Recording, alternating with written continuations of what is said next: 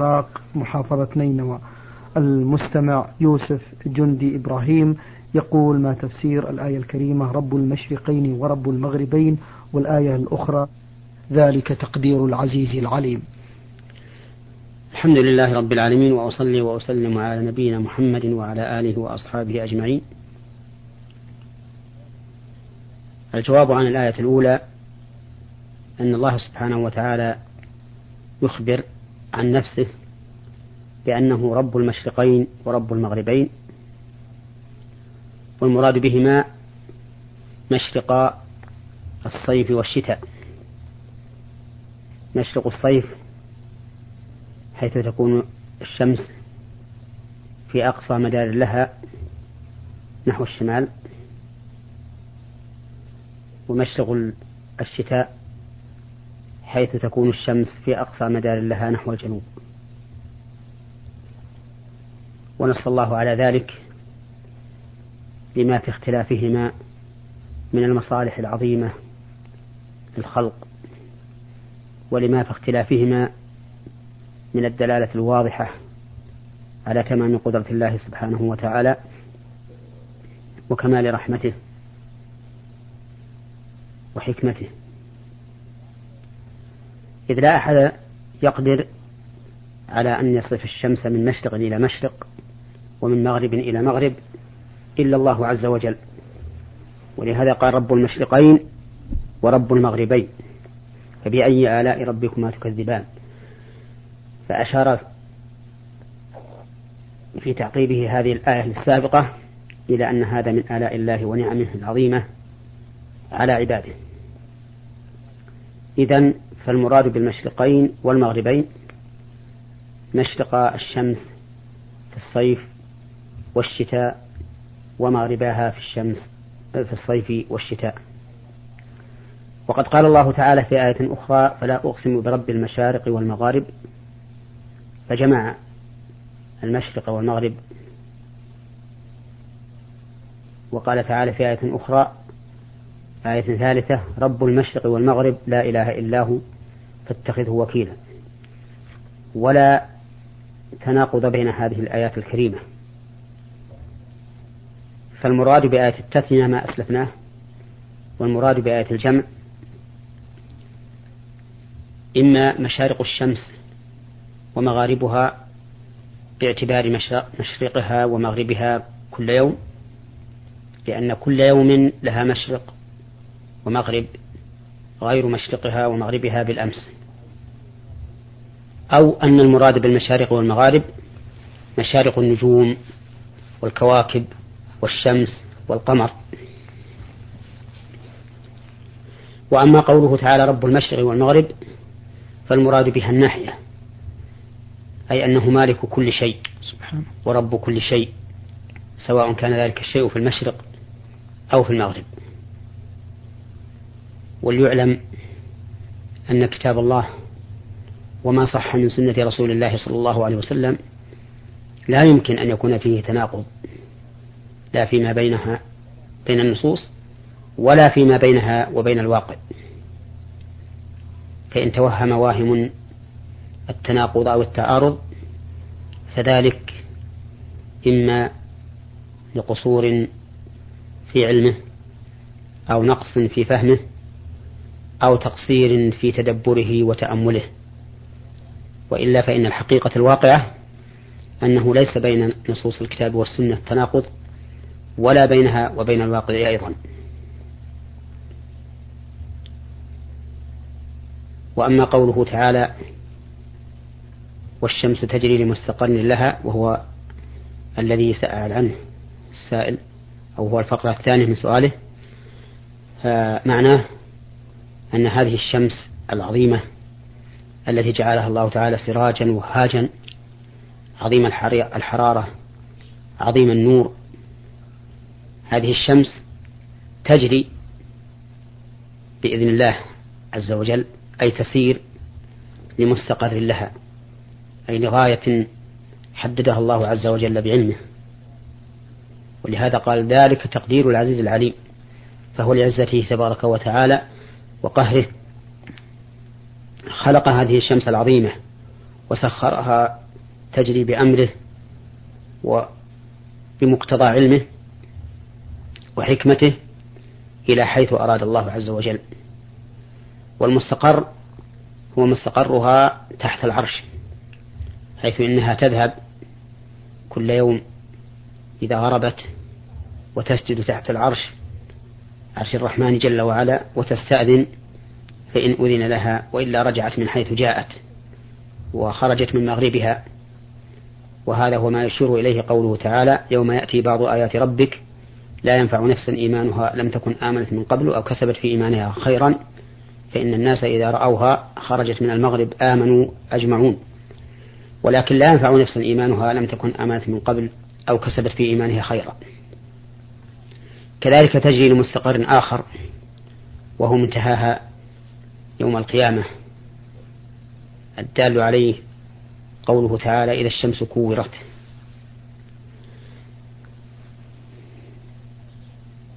وفي هذه الآية دلالة واضحة على أن الشمس تدور على الأرض وهو الذي يدل عليه ظاهر القرآن وهو الذي نعتقده وندين الله به حتى يأتينا دليل محسوس ظاهر يسوغ لنا أن نؤول ظاهر الآية إلى ما يقال الآن لأن اختلاف الليل والنهار وطلوع الشمس وغروبها إنما هو باختلاف إنما هو بسبب دوران الأرض فإنه لا يحل لأحد أن يعدل عن ظاهر الكتاب والسنة إلا بدليل يكون حجة له أمام الله عز وجل يوم القيامة. يسوغ له أن يصرف ظاهر القرآن والسنة إلى ما يطابق ذلك الشيء المدعى. وما دمنا لم نرى شيئا محسوسا. تطمئن إليه نفوسنا. ونراه مسوغا لنا جواز صرف القرآن عن ظاهره فإن الواجب علينا معشر المؤمنين أن نؤمن بظاهر القرآن والسنة وألا نلتفت إلى قول أحد خالفه خالفهما كائنا من كان.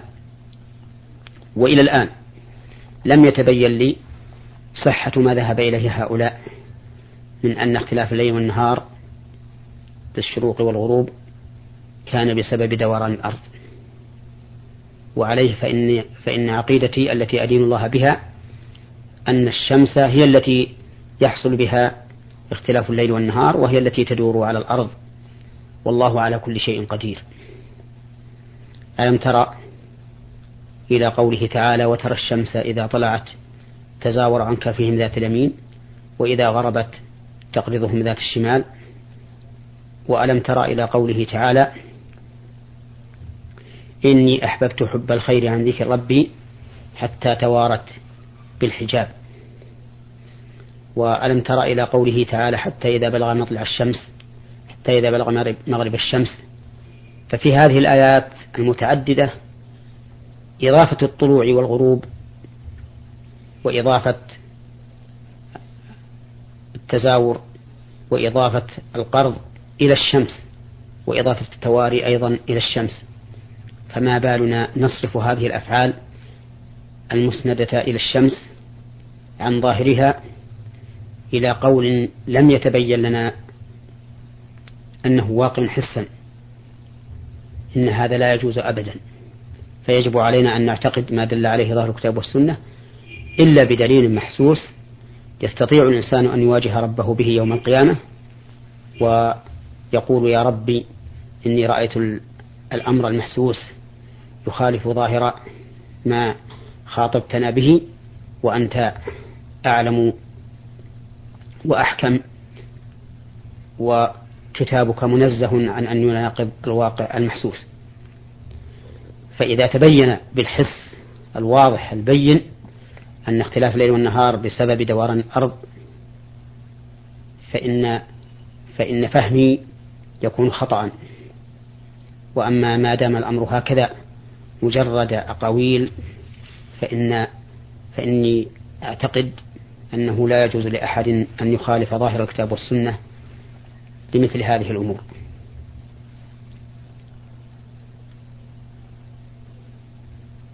وخلاصة القول أن معنى قوله تعالى والشمس تجري لمستقر لها أن الله يخبر بأن الشمس تسير بإذن الله عز وجل لمستقر لها لغاية تنتهي إليها وهو يوم القيامة. ولمستقر لها لغاية تنتهي إليه يوميا وهو سجودها تحت العرش كما صح ذلك عن النبي صلى الله عليه وسلم من حديث أبي ذر الذي رواه البخاري وغيره. نعم. بارك الله فيكم الشيخ محمد. آه المستمع أيضا يقول هل يقع النذر على من قال إني نذرت أن أصوم غدا إذا جاء فلان فهل يقع عليه النذر إذا لم يأتي ذلك الرجل؟ أولا أنصح إخواني السائل وغيرهم ممن يستمعون أنصحهم عن النذر. فإن النبي صلى الله عليه وسلم نهى عنه وقال إنه لا يأتي بخير وإنما يستخرج به من البخيل. وما أكثر الذين نذروا ثم ندموا على نذرهم لأنهم ألزموا أنفسهم ما لم يلزمهم به الله. كثير من الناس ينذر إذا نجح أن يصوم شهرا أو عشرة أيام أو أقل أو أكثر. كثير من الناس ينظر إذا كان عنده مريض إن شفاه الله أن يذبح فاطرا أو يذبح غنما أو يتصدق بشيء ثم إذا حصل له ذلك صار يماطل ربه ولا يوفي بما نذر لله عز وجل. وهذا الأمر خطير جدا. قال الله تعالى ومنهم من, ومنهم من عاهد الله لئن آتانا من فضله لنصدقن ولا نكونن من الصالحين. فلما آتاهم من فضله بخلوا به وتولوا وهم معرضون فأعقبهم نفاقا في قلوبهم إلى يوم يلقونه بما أخلفوا الله ما وعدوه وبما كانوا يكذبون. فتأمل هذه العقوبة العظيمة أن الله تعالى جعل في قلوبهم النفاق النفاق المستمر إلى إلى الموت نفاقا في قلوبهم إلى يوم يلقونه بما أخلفوا الله ما وعدوه وبما كانوا يكذبون. فهم أخلفوا الله ما وعدوه لأنهم عاهدوا الله والنذر عهد. عاهدوا الله عز وجل على أن يتصدقوا ويكونوا من الصالحين وكذبوا في ذلك. ويدل على كراهة النذر قوله تعالى وأقسموا بالله جهد إيمانهم لأن أمرتهم لا يخرجون. قل لا تقسموا طاعة معروفة. هذه نصيحة أوجهها لكل إخواني المستمعين وأقول إياكم النذر فإن النبي صلى الله عليه وسلم نهى عنه. وأنتم تعلمون ما يحصل به من المشاق أو العذاب إن أخلفتم ما وعدتم الله سبحانه وتعالى. وأما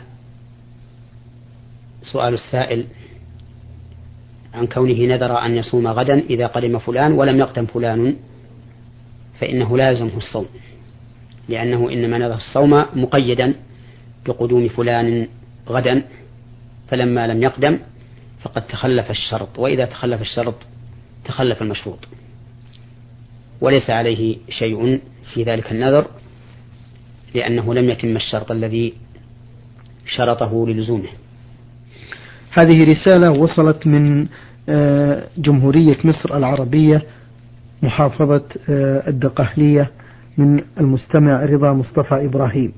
يقول فضيلة الشيخ إنني أريد الزواج من ابنة عمي مع العلم بأن أخي الأكبر مني سنا قد رضع من عمتي أكثر من مرة أما أنا فلم أرضع من عمتي مطلقا وابنة عمي لم ترضع من أمي إطلاقا. فسؤالي هل يجوز لي الزواج من ابنة عمتي أم أصبحت أخا لها؟ أفيدونا بذلك جزاكم الله خيرا. الجواب على هذا السؤال يؤخذ من قول النبي صلى الله عليه وسلم يحرم من الرضاع ما يحرم من النسب. يعني أن الرضاع يحرم ما تحرم ما تحرمه القرابة لأن لأن النسب هو القرابة. ولي تعليق على هذه الكلمة قريبا إن شاء الله تعالى. فبناء على هذا الحديث يكون لك أن تتزوج ابنة عمتك التي رضعت أختك من أمها لأنه ليس بينك وبينها صلة فأنت لست أخا لها لأنك لم ترضع من أمها وهي أيضا لم ترضع من أمك. وإنما يقع التحريم بين الراضع وذريته فقط. أعني أن الرضاع إنما يؤثر في الراضع ومن تفرع منه من ذريته. وأما من كان بمنزلته من الإخوة والأخوات أو كان أعلى منه من الأصول فإنه لا ينتشر التحريم إليهم وينتشر التحريم من جهة الراضع إليه وإلى ذريته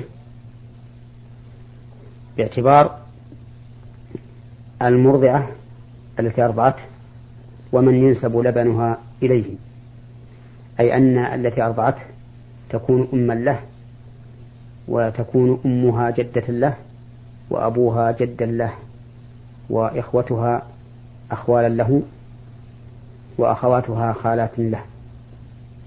كذلك الذي ينسب لبن المرأة إليه وهو زوجها أو سيدها أو من وطئها بشبهة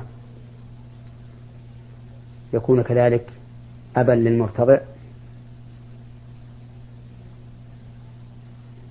ويكون أولاده إخوة للمرتضع ويكون إخوانه أعماما وأخواته عمات. كل هذا نأخذه من قول النبي صلى الله عليه وسلم يحرم من الرضاع ما يحرم من النسب. والذي وعدت به قبل قليل بالنسبة لكلمة النسب هو أن كثيرا من العامة لا يفهمون من كلمة الأنساب أو من كلمة الأرحام إلا أقارب الزوج والزوجة. حتى إن الرجل يقول هؤلاء أنسابي لأنه تزوج منهم. وهذا خطأ على اللغة. فإن الأنساب هم القرابة. من قبل الأب أو من قبل الأم. والأرحام كذلك هم القرابة من قبل الأب ومن قبل الأم. وأما أقارب الزوجين فإنهم يسمون أصهارا لا أنسابا. قال الله تعالى وهو الذي خلق من الماء بشرا فجعله نسبا وصهرا. جعل الله تعالى الصلة بين البشر بهذين الأمرين. النسب والصهر وهما قسمان أي أن بعضهم أي أن بعضهما قسيم للآخر ومباين له. أحببت أن أنبه إلى ذلك أن أنبه على ذلك حتى يعلم الناس مدلولات الألفاظ الشرعية ولا يغلطوا فيها. نعم. من السودان فضيلة الشيخ رسالة وصل وصلت من المستمع الذي رمز لاسمه بعين ألف حاء عين سوداني مقيم بالعراق. يسأل عن آه، آه، الصفة الصحيحة التي وردت عن المصطفى صلى الله عليه وسلم في غسل الميت. الصفة المشروعة في غسل الميت هو أن الإنسان يغسل فرج الميت ثم يشرع في تغسيله فيبدأ بأعضاء الوضوء فيوضئه إلا أنه لا يدخل الفم لا يدخل الماء فمه ولا أنفه وإنما يبل خرقة وينظف أنفه وفمه بها. ثم يغسل بقية الجسد ويكون ذلك بسدر والسدر هو المعروف. يضرب هذا دق ثم يوضع في الماء ثم يضرب باليد وهو في الماء حتى يكون له رغوة. فتؤخذ الرغوة ويغسل بها الرأس واللحية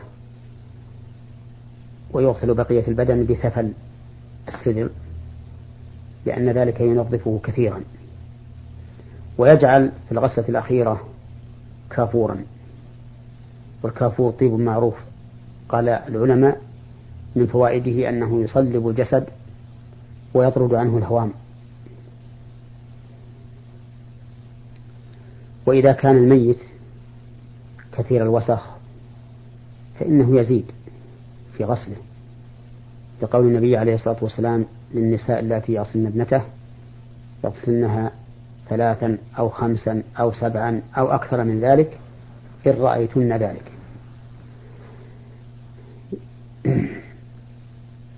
ثم بعد هذا ينشفه ويضعه في كفنه. نعم. بارك الله فيكم. شيخ محمد لعلكم تتفضلوا بمعالجة هذا السؤال.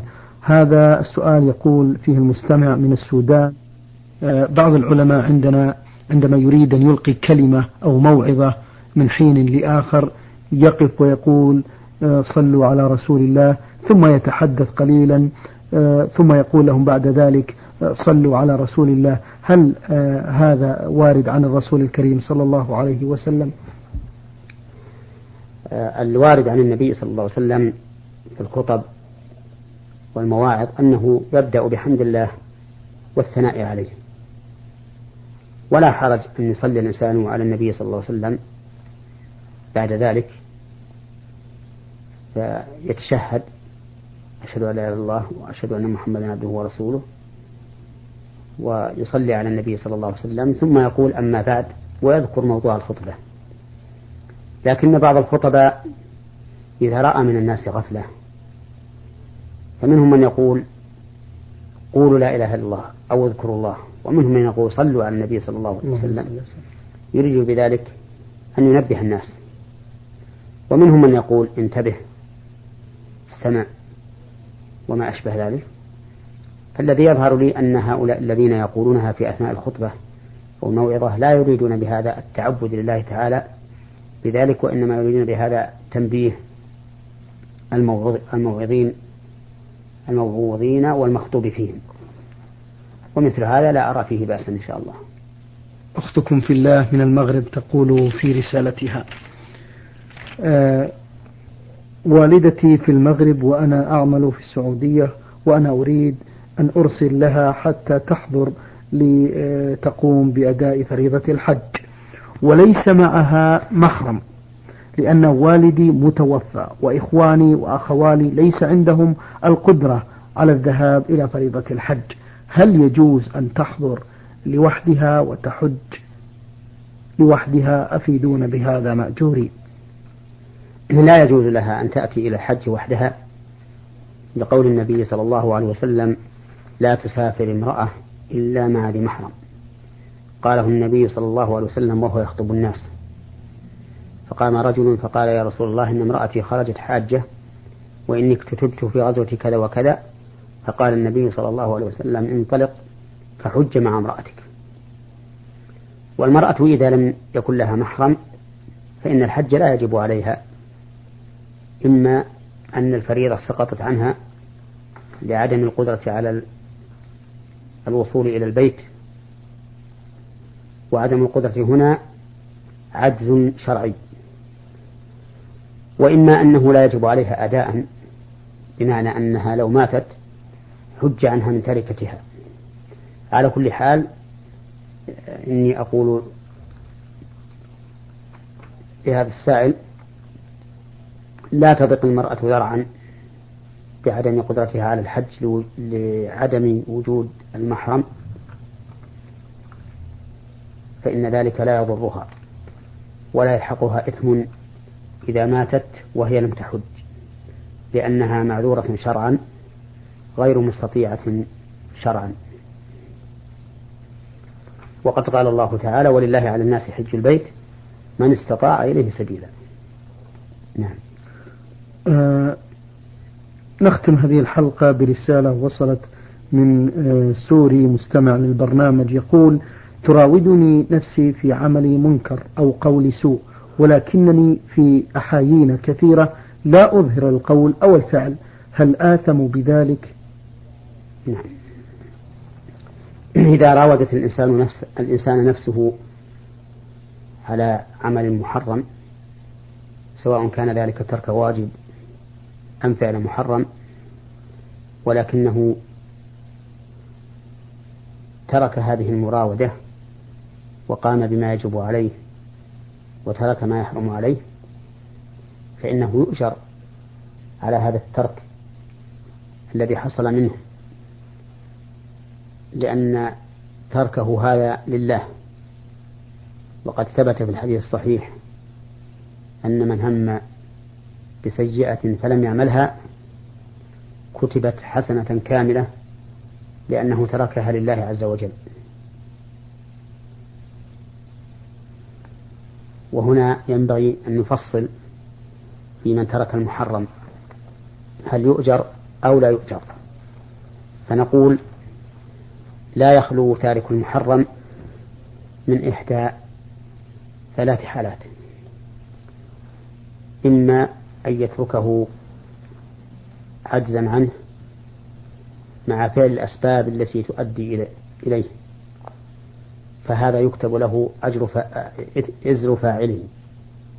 لقول النبي صلى الله عليه وسلم إذا التقى المسلمان بسيفيهما فالقاتل والمقتول في النار. قالوا يا رسول الله هذا القاتل فما بال المقتول؟ قال لأنه كان حريصا على قتل صاحبه. الحالة الثانية يدع المحرم خوفا من الله عز وجل وخشية منه فهذا يكتب له هذا الترك حسنة كاملة لأنه تركه لله عز وجل. الحالة الثالثة أن يترك المحرم لأنه لم يطرأ له على بال ولم يهم به أصلا فهذا ليس لا له ولا عليه. أي ليس له أجر وليس عليه وزر. وهناك حال رابعة وهي أن يدع المحرم لعجزه عنه لكن لم يفعل الأسباب التي توصله إليه وإنما ينوي ويتمنى فهذا عليه الوزر بقدر نيته. وليس كالذي قام بفعل الأسباب وحرص وفعل ولكن لم يتمكن. بل هذا دونه. أي دون الأول الذي أشرنا إليه. آه شكر الله لكم يا شيخ محمد وعظم الله مثوبتكم. إخوتنا المستمعين الكرام كان لقاؤنا مع فضيلة الشيخ محمد بن صالح بن عثيمين